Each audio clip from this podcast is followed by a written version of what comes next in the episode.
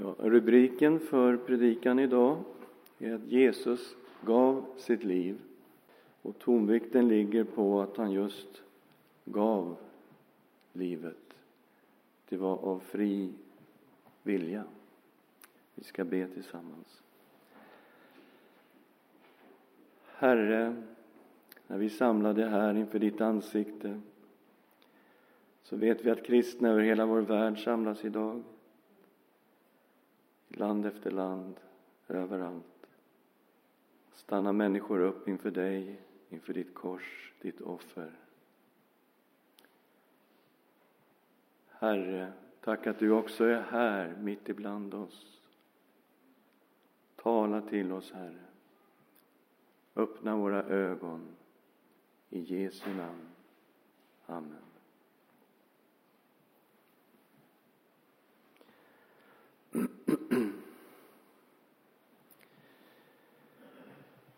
finns en urgammal profetia om Kristi offer, den äldsta i Bibeln. Redan där i Edens lustgård, när allting hade gått fel, så kommer den första profetian om Kristus. Första Mosebok 3 och 15 när Gud talar till ormen. Jag ska sätta fiendskap mellan dig och kvinnan, mellan din avkomma och hennes avkomma. Han ska krossa ditt huvud och du ska hugga honom i hälen. Kvinnans avkomma ska komma en dag någon som är kvinnans son. Inte som alla andra söner i Bibeln som är uppkallade efter sina fäder. Nej, det ska komma en som inte har någon pappa, född av en jungfru. Han kommer att krossa ormens huvud och ormen kommer att stinga honom i hälen, hugga honom i hälen. Den onde var i högsta grad aktiv kring långfredagens händelser.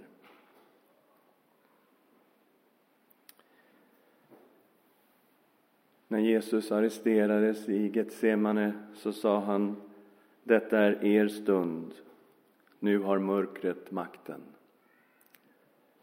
Det var ju mörkt, det var ju kväll, men det var också andligt mörkt den där kvällen. Satan verkade på flera olika sätt. Försökte komma inifrån. I Johannes 13 och 2 står det att Satan hade ingivit Judas, Simon Iskariets son, i hjärtat att förråda Jesus. Så den onde verkade genom Judas. Och där vid den sista måltiden så säger Jesus att en av er kommer att förråda mig och lärjungarna tittar på varandra och undrar vem han pratar om. Och Petrus han ger tecken till Johannes som ligger nära Jesus och eh, säger till honom, kan inte du fråga Jesus vem det är som han pratar om? Och Johannes lutade sitt huvud mot Jesu bröst och så frågade han, Herre, vem är det?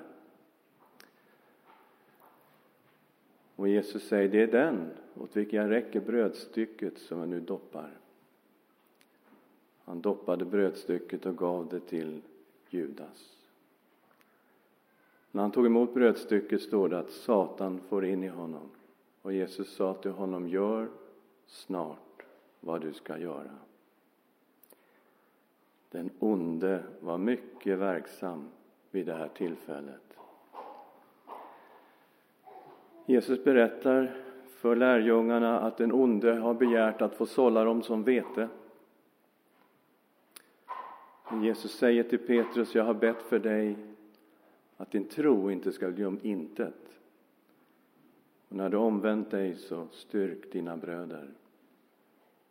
Och Petrus säger, vad, vad, säger du Jesus? Jag är ju villig att dö för dig. Jag är villig att gå i fängelse. Jag gör vad som helst för dig. Petrus tuppen kommer inte gala imorgon bitti förrän du tre gånger har förnekat mig. Den onde hade begärt att få sålla lärjungarna. Men Jesus visste allt det här och han hade ju bett för lärjungarna, hade bett särskilt för Petrus att hans tro skulle bli bevarad och att han skulle styrka sina bröder. Man läser i Markus ser man att alla lärjungarna sa samma sak som Petrus. Alla var villiga att lida för Jesus och gå i fängelse och dö för honom. Men när tiden kom för att arrestera Jesus, då var det ingen som stod pall. Alla lärjungarna flydde och lämnade honom ensam. Ingen klarade trycket, mörkret, där i Jerusalem kring påsken. Men det var en som stod pall. En som stod upprätt rakt igenom allt detta. Han heter Jesus. Han som gick igenom all denna smärta. I Getsemane han bad i ångest att han svettade blod. På korset där han bar alla våra synder. Det står om honom, han visste inte vad synd var. Han blev gjord till ett med synden för vår skull. Han stod fast. Ibland så porträtteras Jesus som ett hjälplöst offer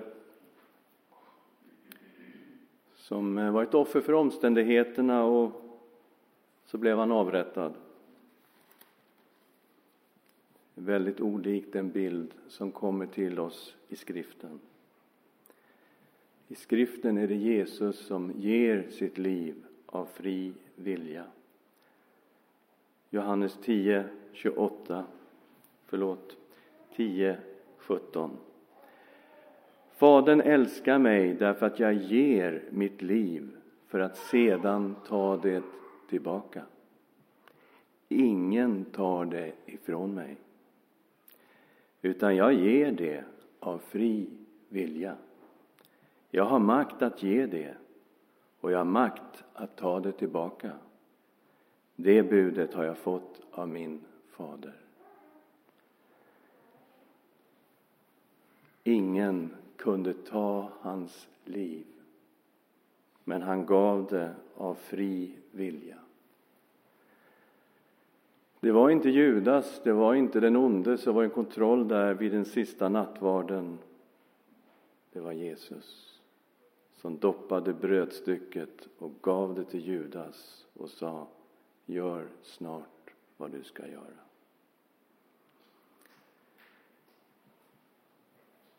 När de kom för att arrestera honom, de hade med soldater, det var en hel del människor som kom, facklor och lyktor och vapen hade de med sig. Och de kommer och frågar efter Jesus. Det står där i Johannes 18, vers 4.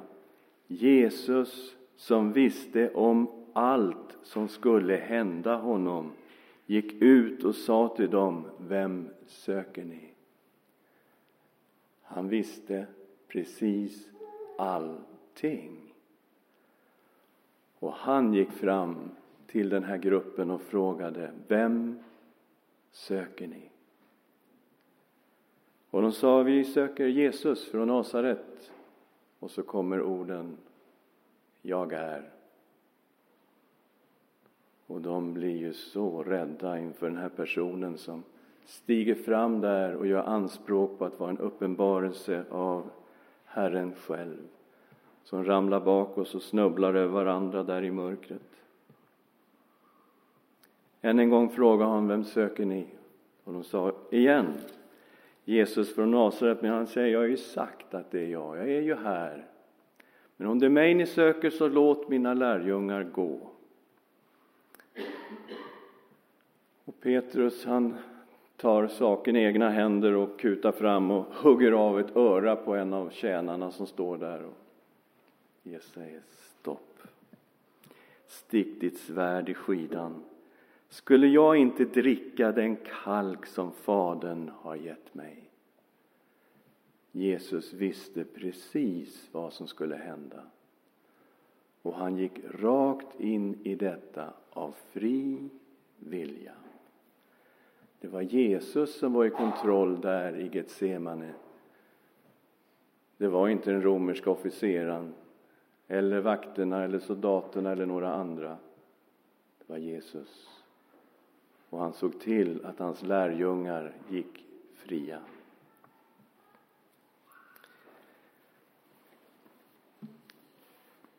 Till och med när Petrus förnekade honom så var det Jesus som var i kontroll. När tuppen gal och Petrus just hade förnekat honom för tredje gången så vänder Jesus sig om och ser på Petrus. Och Petrus bara brister ut. Han, han, han brister inombords.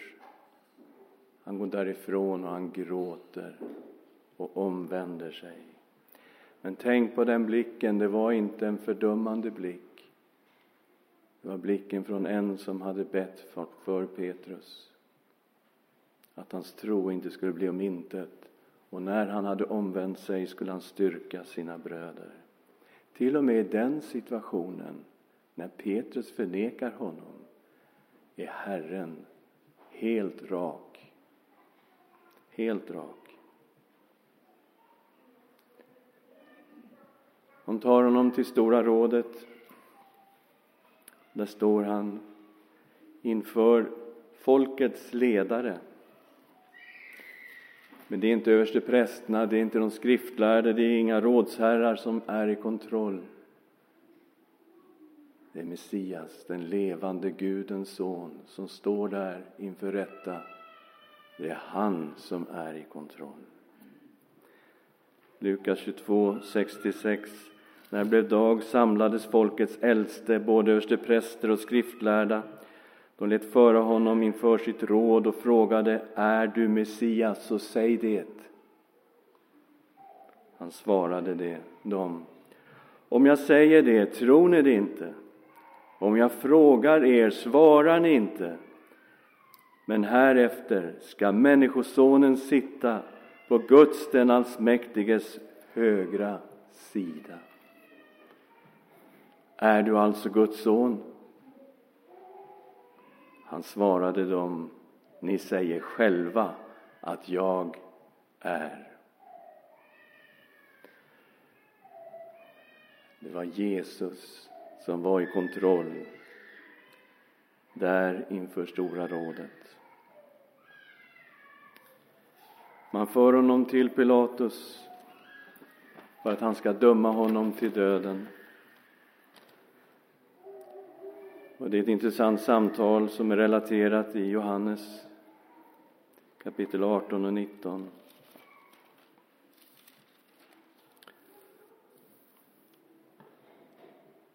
Pilatus var inte vem som helst. Han var ståthållare i Jerusalem. Han var representant för romarriket som hade hela makten i hela området och där står han inför den representanten. Hon talar om två olika riken. Inte det romerska riket utan ett annat rike. Han säger Jesus, mitt rike det är inte av den här världen. Så är det då en kung? Ja, det är därför jag har fötts, för att vittna om sanningen. Och Pilatus han hittar absolut inget fel hos Jesus så han försöker få honom fri. Men judarna ligger på honom och säger de vill ha Barabbas fri men inte Jesus. Pilatus gör ett försök till, han låter gissla Jesus och piskar honom. lederremmar. Det är metallkulor i det här. Det finns benbitar i det och de piskar honom.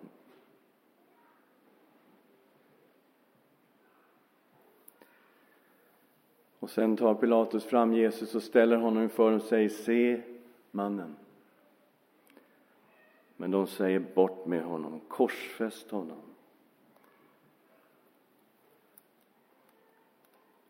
Och så säger Pilatus detta. Han har sagt sig, eller judarna säger till Pilatus, han har påstått att han är Guds son. Och då blir Pilatus riktigt rädd. 19.8. När Pilatus hörde det blev han ännu mer förskräckt. Och han gick tillbaka in i pretoriet och sa till Jesus, varifrån är du? Men Jesus gav honom inget svar. Pilatus sa till honom, svarar du mig inte? Vet du inte att jag har makt att frige dig och makt att korsfästa dig? Jesus svarade, du skulle inte ha någon makt över mig om du inte hade fått den ovanifrån. Därför har den som utlämnat mig åt dig större skuld. Där står Jesus inför den högsta politiska makten i Jerusalem. Men det var inte Pilatus som var i kontroll. Det var Jesus från Nasaret. Han var i kontroll i den här situationen.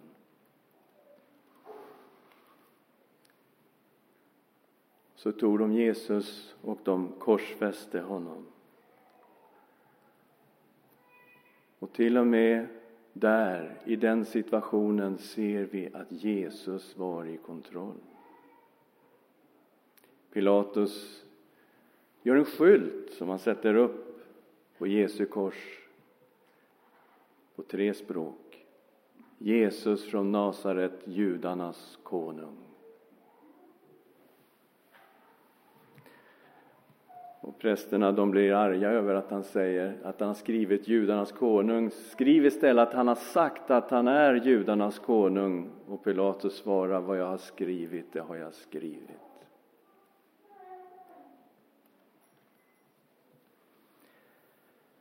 De korsfäste Jesus och han ber för dem. Han ber för människorna som korsfäste honom.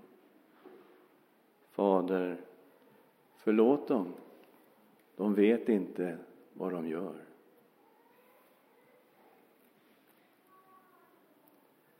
När han hänger där på korset så står hans mamma där, Maria.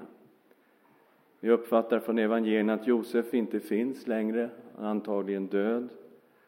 Jesus, äldste sonen, har ju ett ansvar för sin mamma.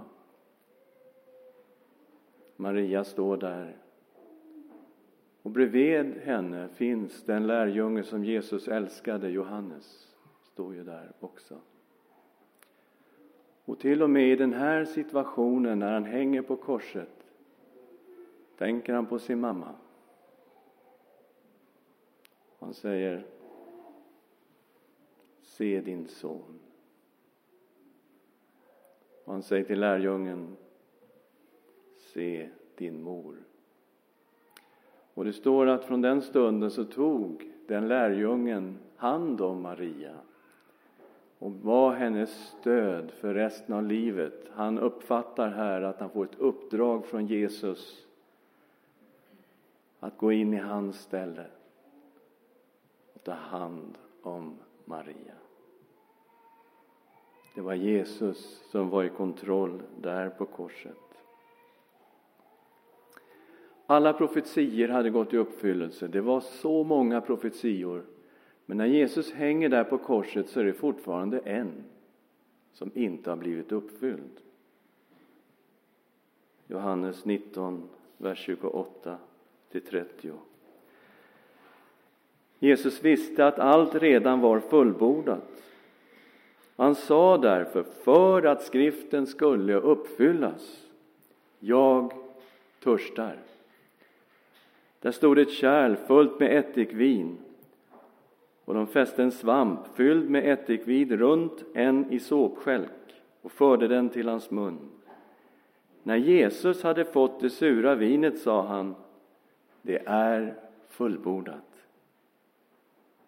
Och han böjde ner huvudet och gav upp andan. Det fanns en profetia kvar. Den uppfylldes med orden Jag törstar.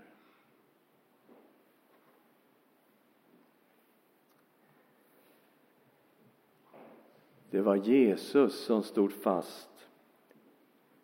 Det var han som var i full kontroll. Jesus sa, ingen kan ta mitt liv. Jag ger det av fri vilja. Och då uppstår ju frågan, varför? Om han gjorde detta av fri vilja, varför gjorde han det då? Och här anar vi något av djupen i Guds kärlek till en fallen mänsklighet för vår skull. Tänk på profetorden som Kristin lyfte fram här tidigare i gudstjänsten. Från Jesaja 53. Våra sjukdomar, våra smärtor för vår skull, våra synder, vårt straff. Allt detta la han på sig. Därför gav han sitt liv. Men han gjorde det med öppna ögon. Han visste precis vad som skulle hända. Och han valde att gå hela vägen för dig och mig. För att vi skulle få syndernas förlåtelse och ett evigt liv. Ska vi böja oss inför Kristus.